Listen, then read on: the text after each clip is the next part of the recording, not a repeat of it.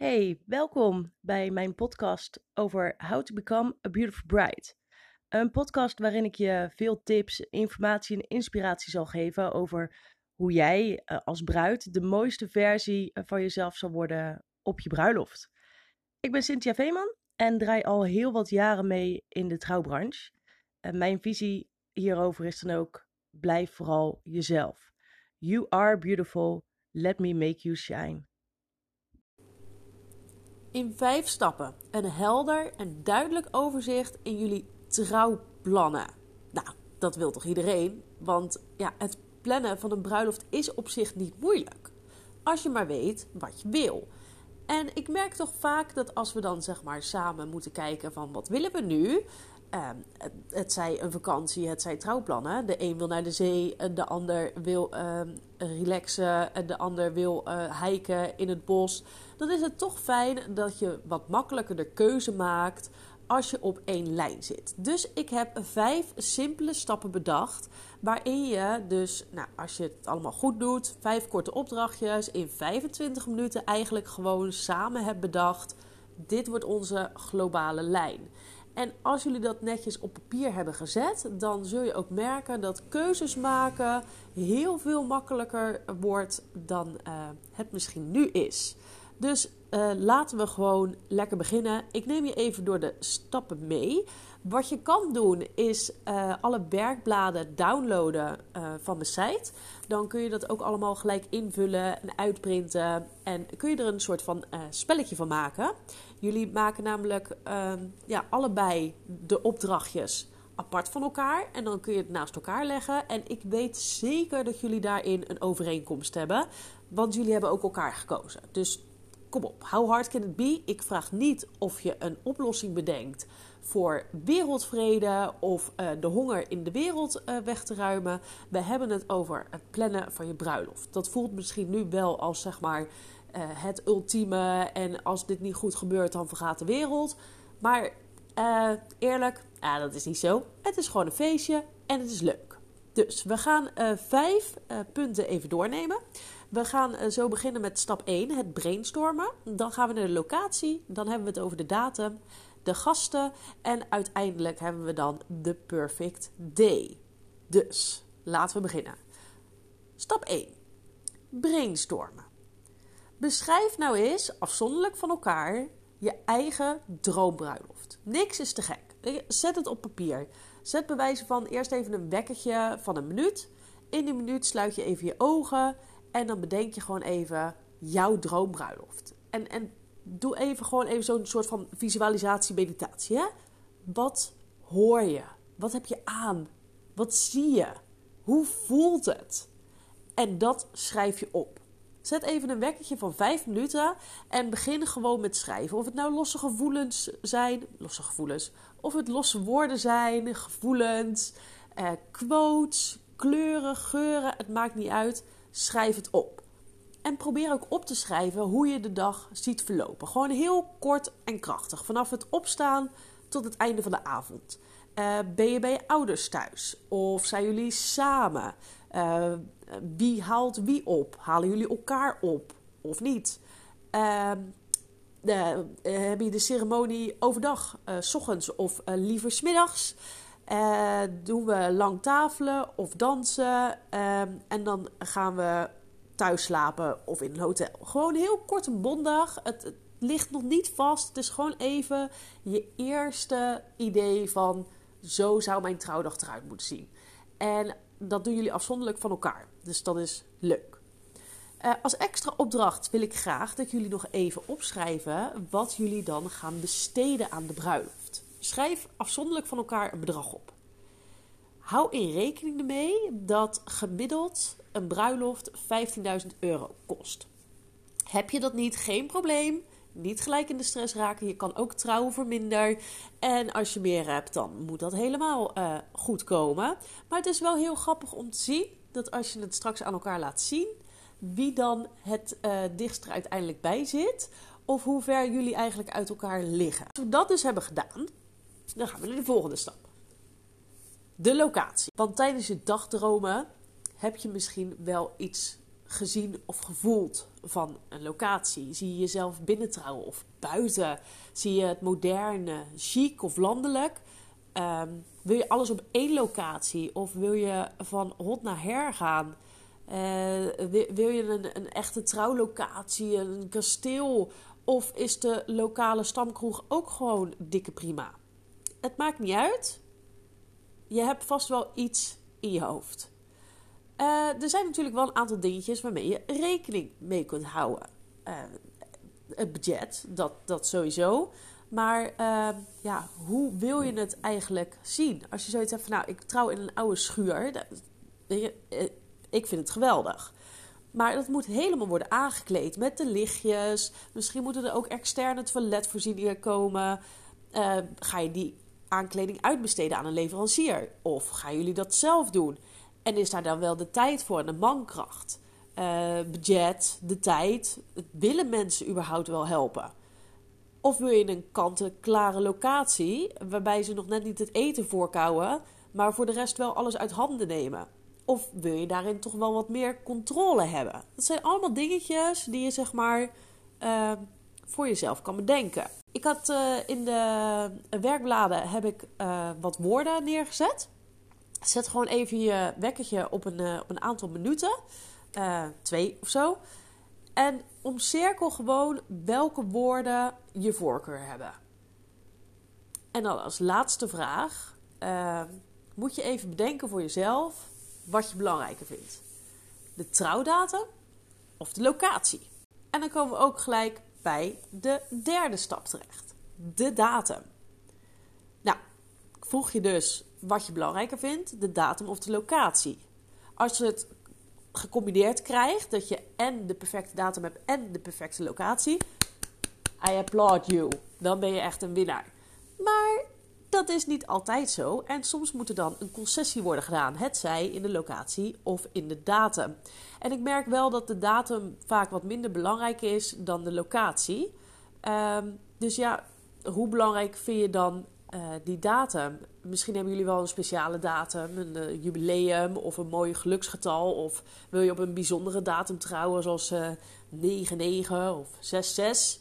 Weet je, dat is geheel aan jullie. Uh, ik heb bijvoorbeeld als uh, datum hebben wij 18 oktober. Dat is onze verkeringsdatum. En 18 houden wij wel in heel veel dingen aan. Zoals met staatsloten en zo. Weet je, dat soort kleine dingetjes. Maar dat maakt niet uit.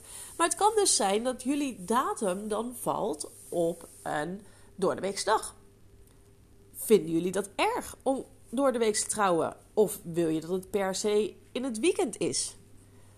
Je kan er ook rekening mee houden dat als je zeg maar een bepaald budget hebt, dat weekenden in het hoogseizoen van trouwen, dat dat vaak uh, wat duurder kan zijn.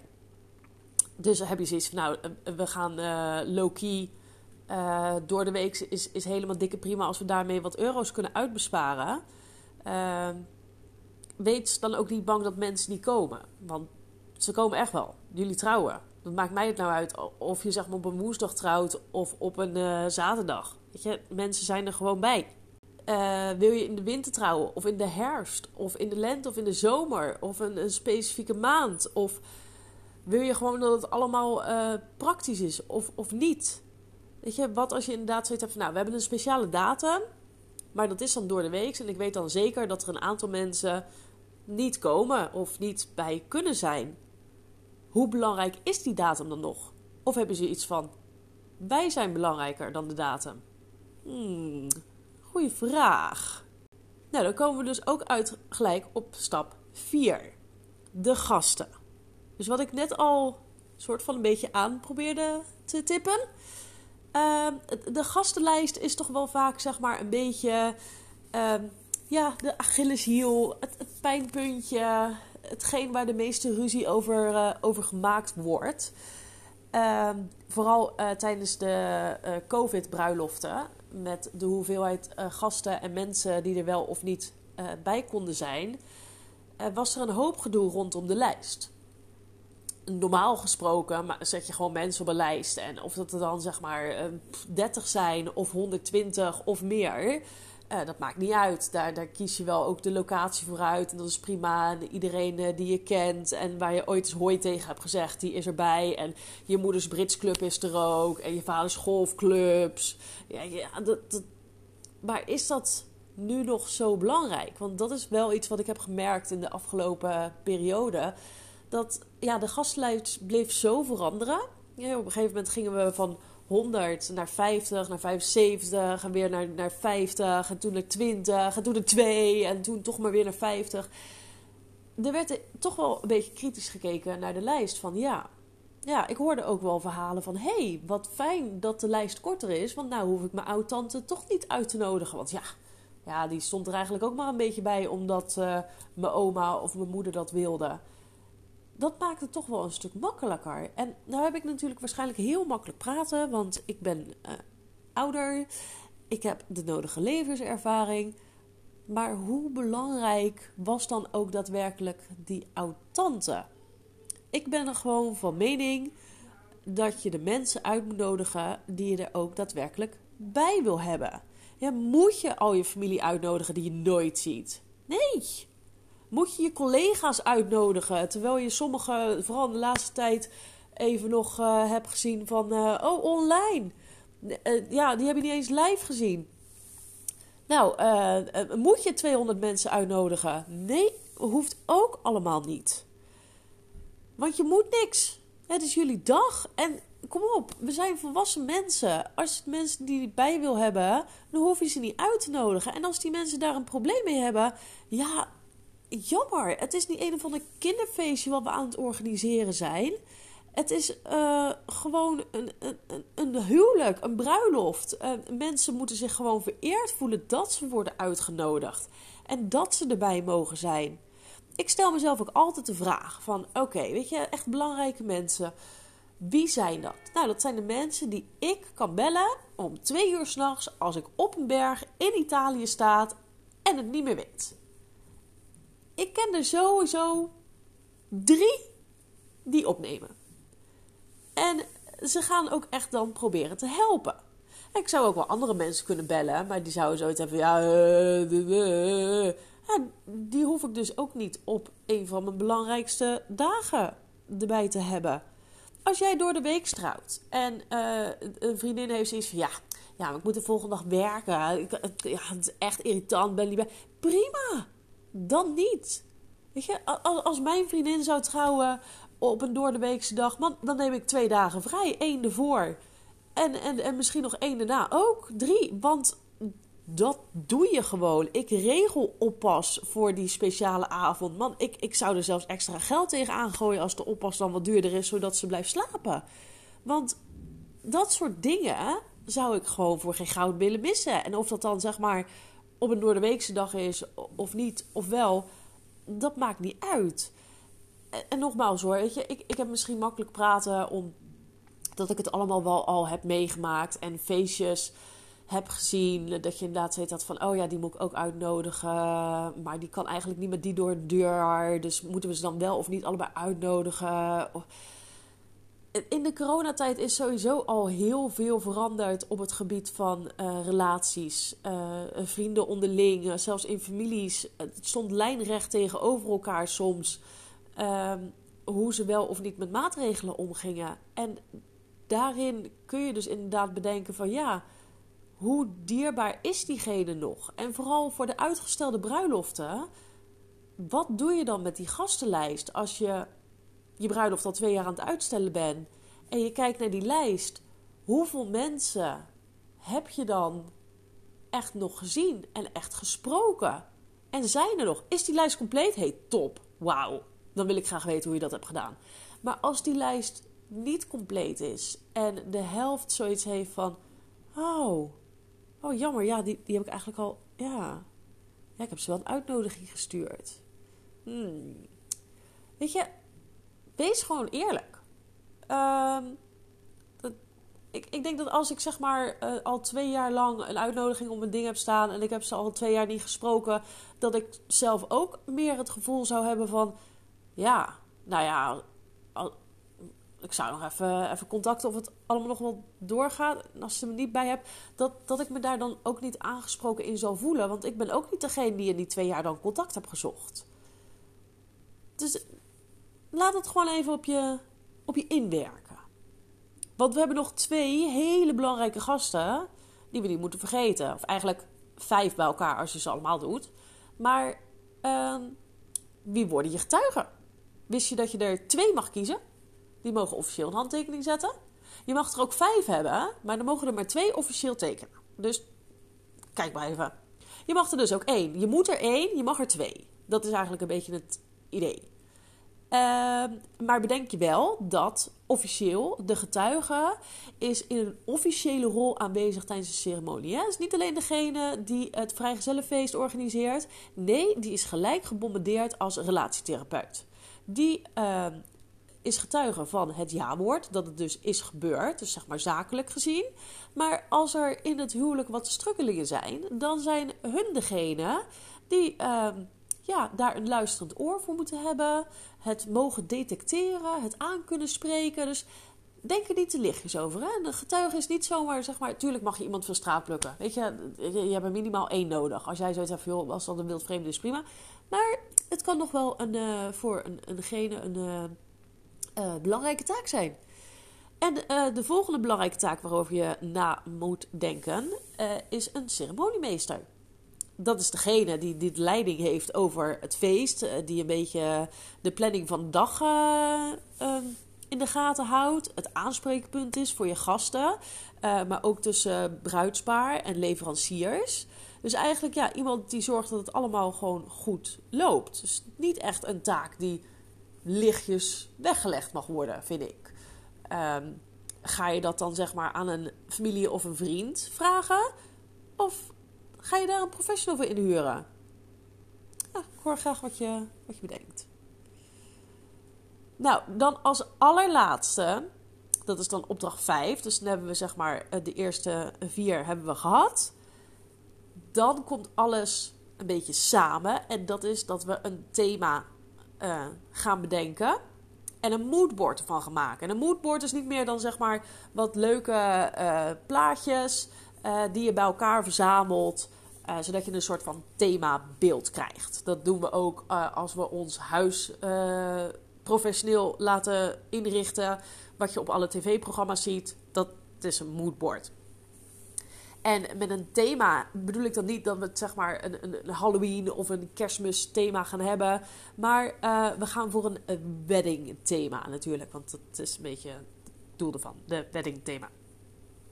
Dus ik heb in de werkbladen een reeks aantal woorden uh, neergezet. En als jullie daar allebei dan uh, twee woorden uitkiezen, waarvan je zoiets hebt van, nou, dat, dat past bij ons, dan uh, hebben we zeg maar vier woorden bij elkaar.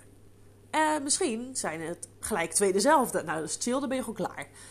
Het kunnen ook zeg maar drie zijn, of je hebt vier verschillende. Dat kan natuurlijk ook. Voorbeeldje. Uh, ik kies voor vintage en robuust. En mijn partner kiest voor industrieel en landelijk. Ja, hoe wij samen zijn, vraag ik ons ook af. Maar hey, er is een overeenkomst. Want we vinden allebei het oude leuk. Zeg maar het vintage en het landelijke. Dat is allebei wel zeg maar een beetje dat dat uh, rustieke look heeft. Ehm, maar het hoeft allemaal niet heel fijntjes en romantisch. Want we hebben uh, industrieel en robuust. Dus nou, als we dat een beetje zeg maar, bij elkaar vrotten, dan komen wij uit op landelijk industrieel. Of vintage industrieel. Je het nog steeds een beetje raar klinken? Geef niet, want dan ga je dus naar Pinterest en dan vul je dus daar die twee woorden in de zoekbalk. Bijvoorbeeld vintage, sorry, vintage industrieel wedding. En dan zie je daar een hele lijst met plaatjes.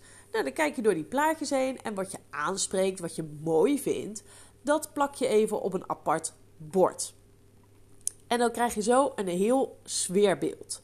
Nou, als je dan uh, dat moodboard meeneemt uh, en je gaat op zoek naar een fotograaf, dan uh, kun je daar gelijk een beetje bij kijken. Ook van goh, past de fotostijl van de fotograaf daar ook bij?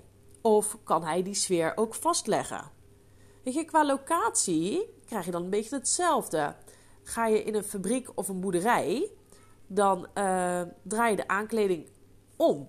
Dus de fabriek is zeg maar dan het industriële, maar met een vintage gordijntje hier en daar. Of een, een boerderij, dus dan zeg maar weer het landelijke, maar dan met stalen balken, met het industriële. En zo kun je continu kijken uh, met jullie thema of een leverancier uh, erbij past. Je hebt bloemen, trouwvervoer, outfits. Je kan alles in die noemer plakken. En zo kun je ook online zoeken. Als je in Google intypt van uh, vintage industrial trouwfotograaf, dan krijg je vanzelf wel wat hits die die stijl ook aanbieden. Nou, dus als jullie dan al die papiertjes even bij elkaar pakken, of je hebt ze netjes uitgeprint van mijn downloads, ah, dan uh, heb je dus echt wel wat overeenkomsten. En schrijf die overeenkomsten dan ook op. En dan kun je dus bij alles wat jullie uh, bedenken of zien, uh, elke keer weer terugkoppelen naar jullie thema en naar jullie locatie of datum. past dit? Of wordt het te veel?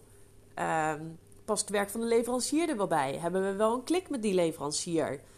Dus zo stap je net even wat makkelijker door alles heen. Um, ja, dus dat is eigenlijk even de, de mondelijke versie van overzicht in je bruiloft in vijf stappen. Deze kun je dus compleet downloaden op mijn, uh, via mijn website. En dan print je ze uit en dan ga je gewoon samen even lekker zitten. 25 minuutjes. En dan uh, sta je gelijk even samen op één lijn. Dat is fijner dan recht tegenover elkaar. Want ja, het is wel zo fijn als het uh, samen leuk is. En de voorbereidingen van trouwen moet leuk zijn. Dus hè, kom op, even die 25 minuutjes. Even een hapje en een drankje erbij. Samen in die bubbel kruipen. En dan wordt de rest wordt allemaal zoveel praktischer en makkelijker. Tuurlijk zitten er wat zakelijke dingetjes bij, maar 90% van de voorbereidingen is gewoon hartstikke leuk. Heel veel succes. En mocht je er echt niet uitkomen, uh, laat het me weten. Ik denk graag met je mee. Uh, of luister even sowieso de podcast uh, genaamd Thema. Die doet het ook erg goed. als jullie zoiets hebben van nou, er past niks bij elkaar. dan helpt die misschien nog. En anders zet hem op. En heel veel plezier. Doei!